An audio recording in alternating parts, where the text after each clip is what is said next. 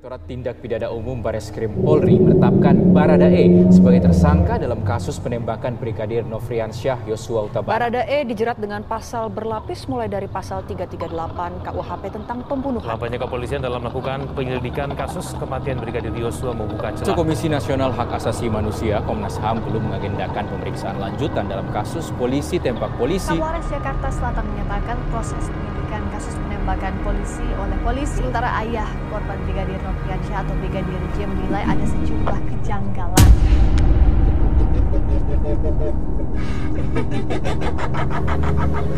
lengser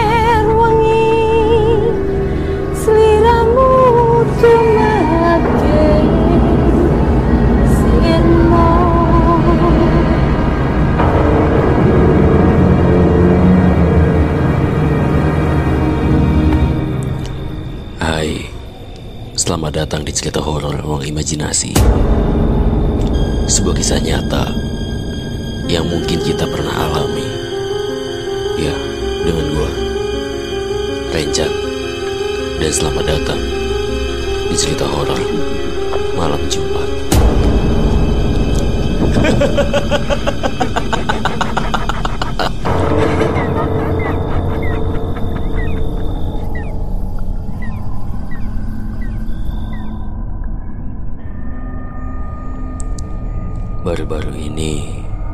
terjadi pembunuhan salah satu keanggotaan polisian di Indonesia yang bernama Brigadir J.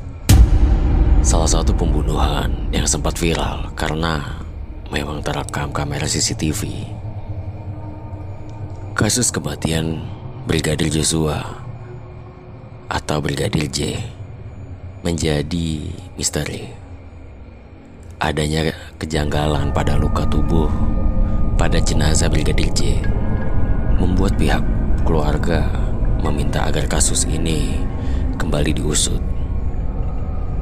Polri pun akhirnya membentuk tim khusus yang salah satunya ada Komnas HAM di dalamnya. Bagaimana kejadian pembunuhan yang terjadi pada Brigadir J? Berikut kisahnya.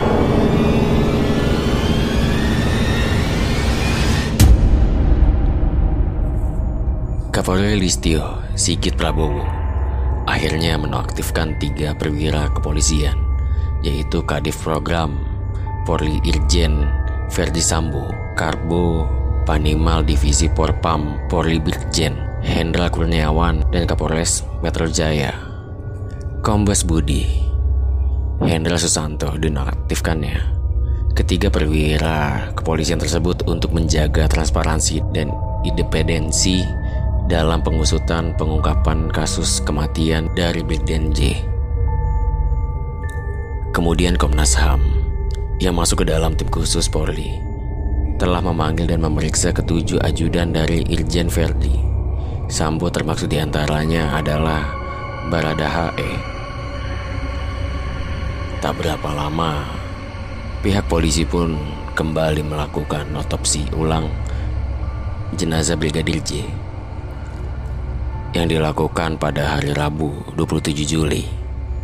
Diketahui sampel hasil otopsi jenazah Brigadir J telah dibawa ke Rumah Sakit Cipto Mangkusumo, Jakarta. Berdasarkan hasil pemeriksaan olah TKP, aksi adu tembak maut yang disebut bermula saat Brigadir Yosua memasuki kamar pribadi Irjen Verdi Sambo yaitu Brigadir Yosua disebut melecehkan istri Kadif Forpam Polri yang kemudian berteriak meminta tolong. Baharada E yang mendengar teriakan itu pun langsung saja menuju lokasi asal suara. Singkat ceritanya, Brigadir Yosua justru melepaskan ju- sejumlah tembakan ke arah Baraha E yang datang. Baraha E pun lantas membalas tembakan itu hingga menewaskan Brigadir Yosua. Penembakan bermula saat istri Kadif Forpam berteriak meminta tolong saat dilecehkan oleh Brigadir Yosua. Teriakan itu didengar oleh Baraha E yang berada di lantai atas rumah. Teriakannya terdengar oleh Barahai yang berada di lantai atas sehingga Baradae turun memeriksa sumber teriakan tersebut. Brigadir Yosua pun panik saat melihat Baradae sudah berada di depan kamarnya. Lantas, melepaskan tembakan ke arah Baradae. Berdasarkan hasil olah TKP, Brigadir Yosua saat itu melepaskan tembakan sebanyak tujuh kali. Sementara Baradae membalas tembakan Brigadir Yosua sebanyak lima kali.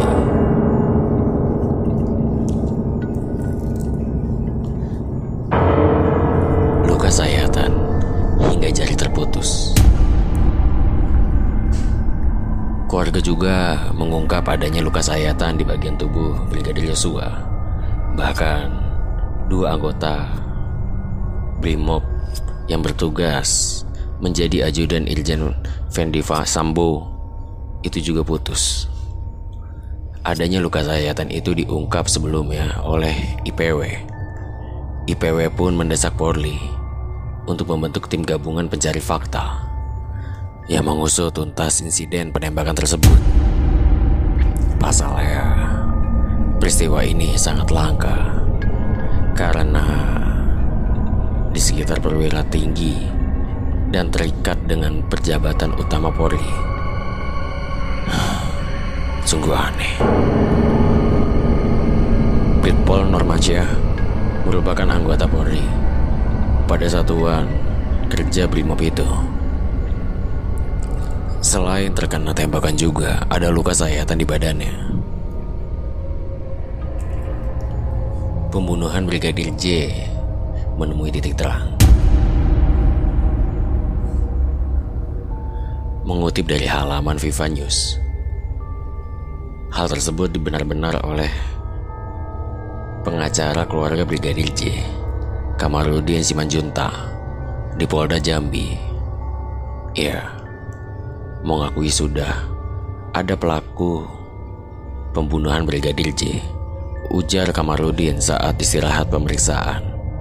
Keterangan penyidik tindakan pidana utama atau TK2 Baris Krim Mabes Polri yang dipimpin langsung oleh Brigjen Pol Agus Suharno Ko di Polda Jambi pada hari Jumat 22 Juli 2022. Kamarudin menambahkan ada pelaku lain dan ia sudah mengantongi nama-namanya yang diduga sebagai pelaku pembunuhan Brigadir J. Namun, ia masih merahasiakannya. Para pelaku lebih dari dua orang dan pelaku tersebut tetap di lingkungan rumah Kadif Porpram nonaktif di kawasan daerah Duren 3, Jakarta Selatan. Dan semua anggota kepolisian imbuhnya pada Jumat 22 Juli 2022. Ia juga mengatakan telah memiliki bukti terkait pembunuhan Brigadir J yang belum bisa dikonsumsi publik karena kepentingan penyidik. Menanggapi hal tersebut, Direktur Pidana Utama Baris Krim Mabes Polri, Brigjen Andilian, kemudian memberikan pertanyaan Menurut Andi, sampai saat ini penyidik belum menetapkan siapa pun sebagai tersangka dalam kasus penembakan Brigadir J.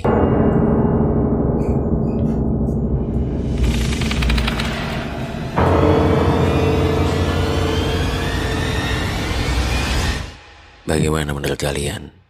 Apakah pembunuhan Brigadir J memang sudah direncanakan? Atau hanya sebuah tindakan ketidaksengajaan? Dan apakah kasus pembunuhan ini akan cepat berlalu? Silahkan komen di Instagram kami.